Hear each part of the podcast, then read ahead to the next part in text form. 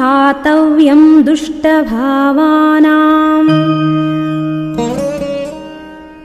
वीर्योत्सिक्ता हि राक्षसा तस्य तद्वचनम् श्रुत्वा। विश्वामित्रोऽभ्यभाषत।